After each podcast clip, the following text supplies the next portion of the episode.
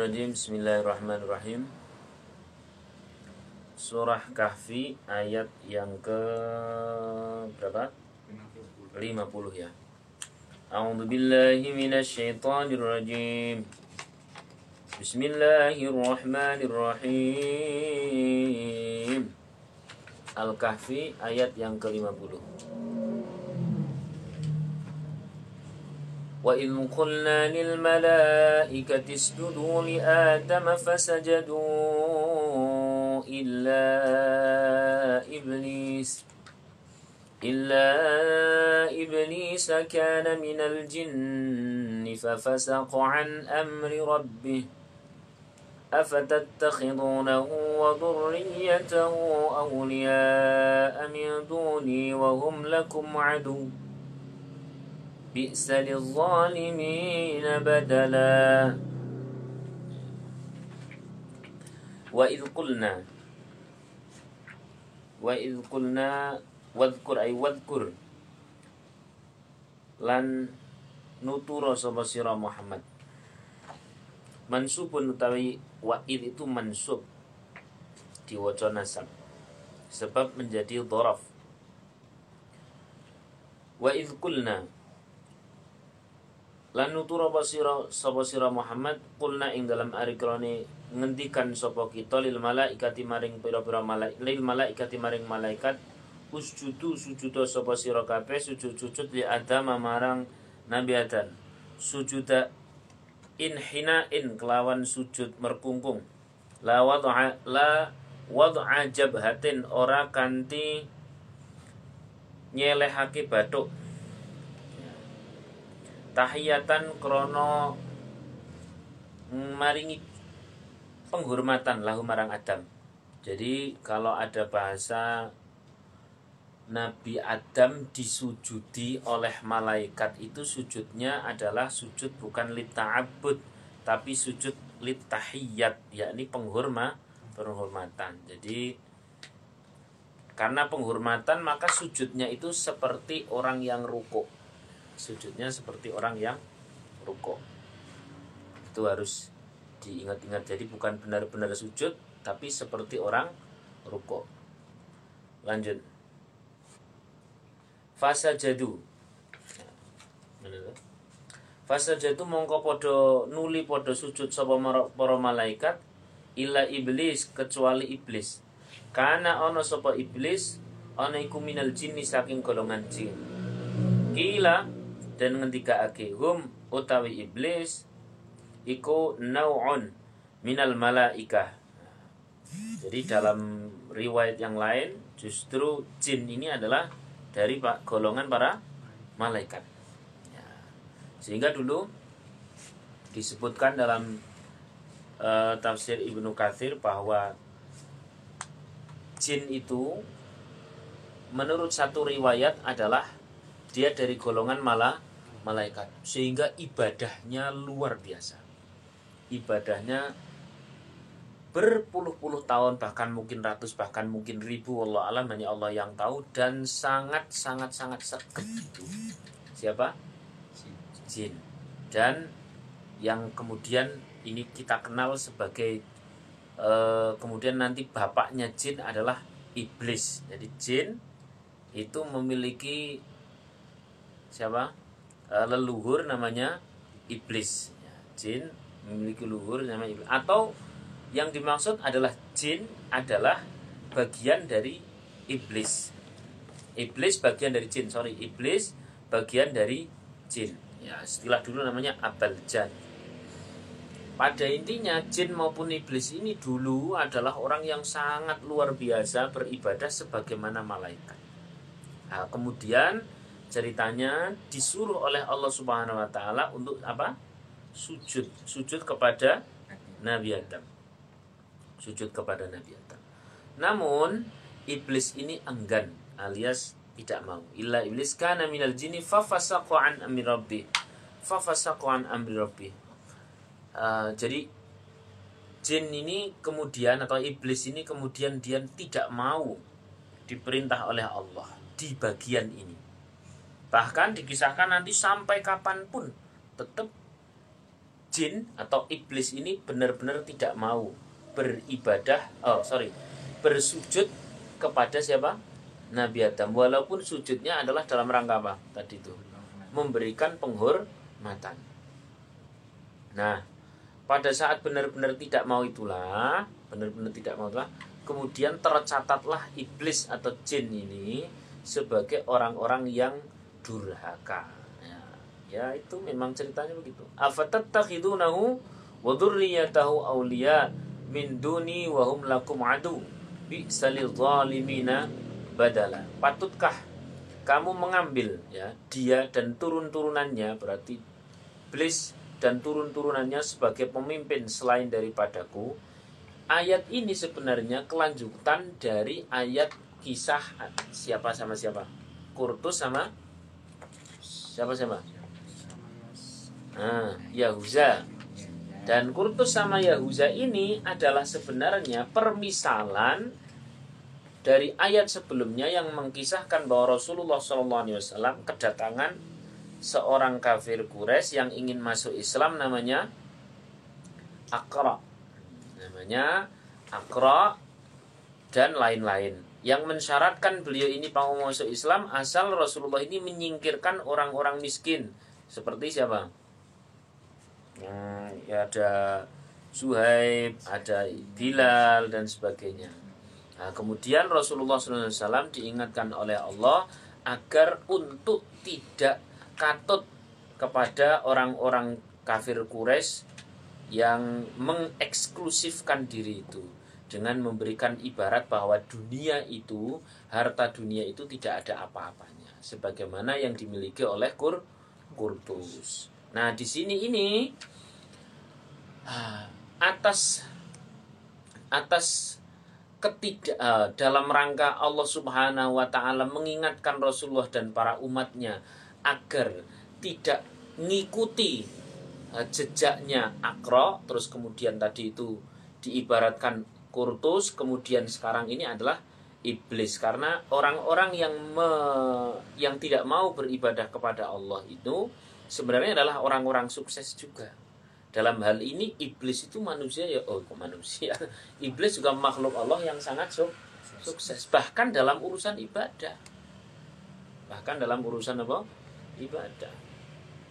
Dan jangan sampai mereka orang-orang yang digoda oleh iblis ini seperti dalam kisah Kurtus terus naik lagi kisahnya uh, al Aqra dan kawan-kawan yang mau masuk Islam yang membanggakan harta itu jangan sampai kita seperti itu. Jadi rentetannya panjang ceritanya. Ya. Kita akan membahas tentang perkara iblis itu dulu. Jadi itu Kenapa sih iblis ini tidak mau sujud kepada Nabi Adam?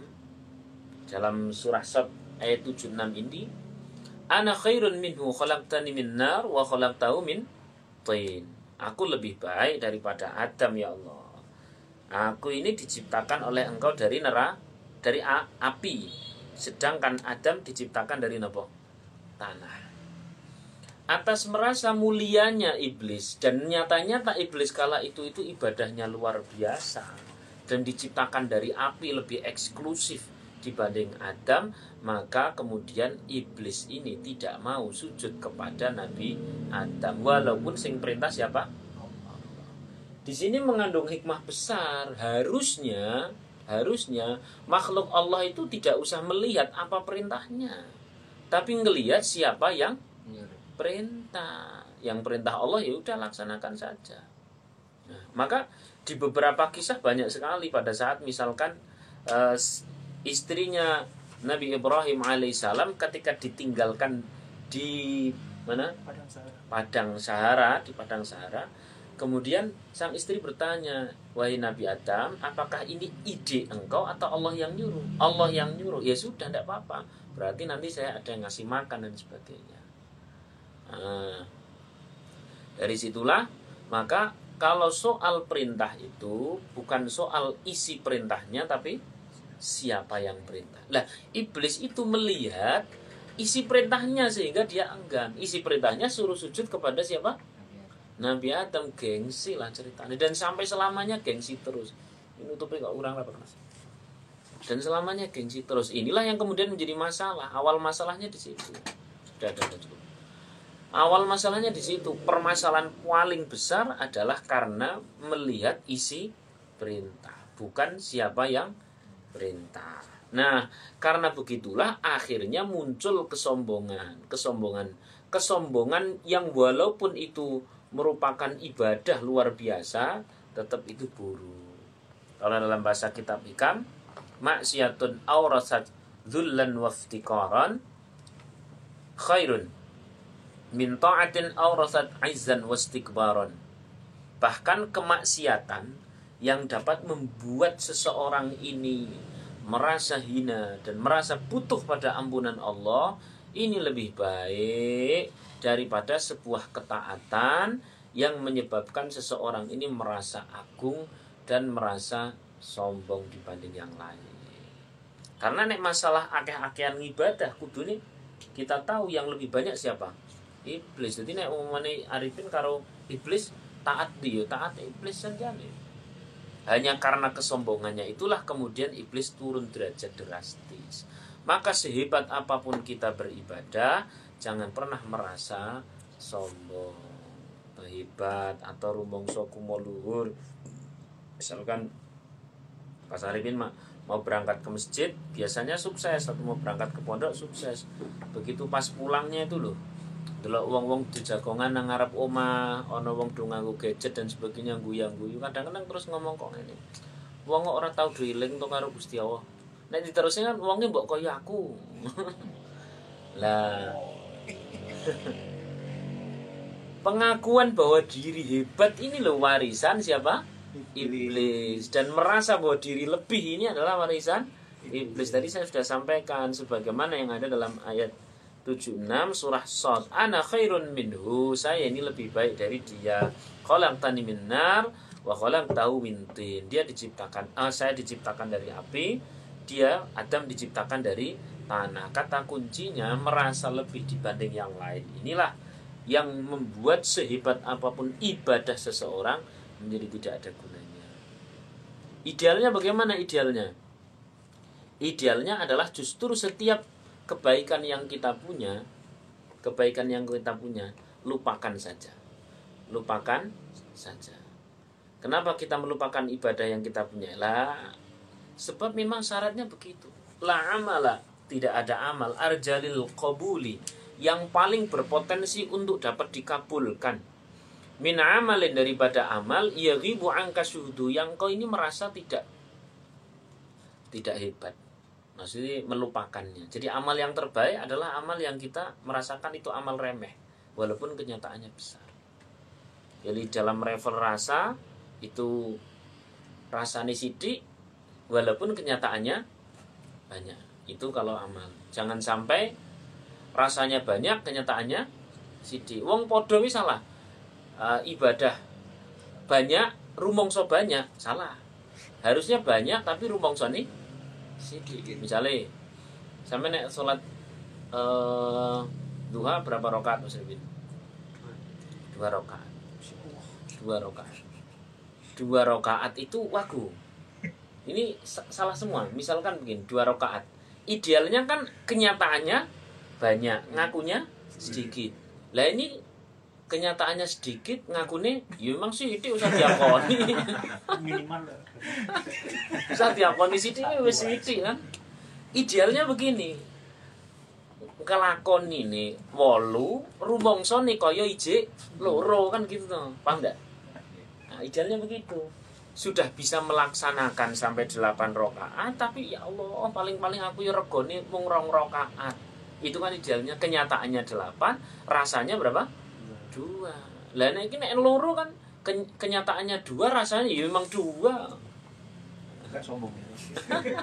berarti angel lebih la amala arjalil qabul min amalin yaghibu anka syuhuduhu uh, amal yang paling bisa dipot uh, paling bisa diharapkan diterima itu adalah amal-amal yang kita merasa rendah, amal-amal yang kita melupakannya. Gitu. Jadi kalau ada amal sebesar apa pun kok kumo luhur, awas jangan salah. Iblis itu lebih banyak amalnya. Oleh karena itu jangan merasa lebih banyak ah, amal. Sebanyak apa pun kita dulunya tetap lebih banyak siapa? Iblis. Idealnya amal itu semakin banyak secara kenyataan tapi semakin merasa tidak banyak kita. Nah ini ada satu ungkapan dari Ibnu Katsir bahwa khuliqatil malaikatu min nur malaikat itu diciptakan dari apa? Cahaya. Wa khuliqa iblis min marijin min nar. Dan iblis itu diciptakan dari uh, api api yang bagian atas itu loh. Apa mulat-mulat apa namanya? Isa apa api yang bagian atas. Khuliqa adam mimma usifalakum sedangkan Nabi Adam itu diciptakan sebagaimana yang kalian tahu yakni dari tanah. Satu riwayat mengatakan demikian. Di riwayat yang lain antara iblis dan malaikat itu satu golongan ini sama-sama sergap ibadah. Hanya bedone nek iblis itu sergap ibadah ngaku sergap ngaku sergap itu sing bahaya. Kudune sergap tapi ngakune ora sergap. Nek ipin ora sergap ngaku ora sergap wis kudune. kudune. Nah, oke okay ya. Kita lanjutkan sekarang di ayat yang ke 51 ya. A'udzu billahi minasy syaithanir rajim. Bismillahirrahmanirrahim. Uh, yang di rumah silakan kalau memperhatikan ayat 51 ayat 51 dari surah Al-Kahfi.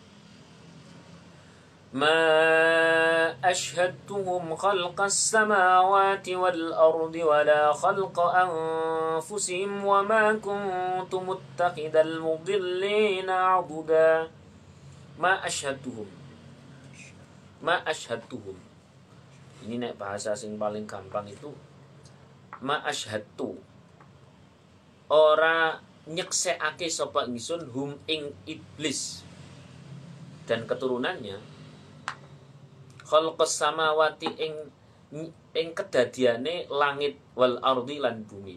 Aku tidak melibatkan bahasanya. Kata Allah, aku tidak melibatkan iblis dan anak cucunya dalam penciptaan langit dan bumi.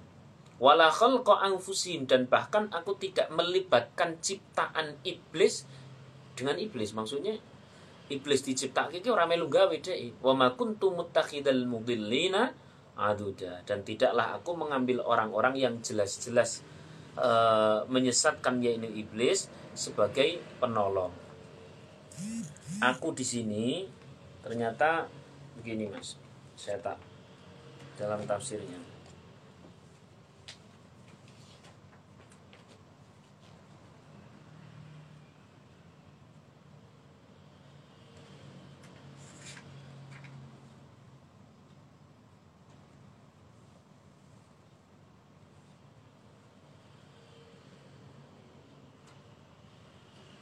Ya benar apa yang tadi benar.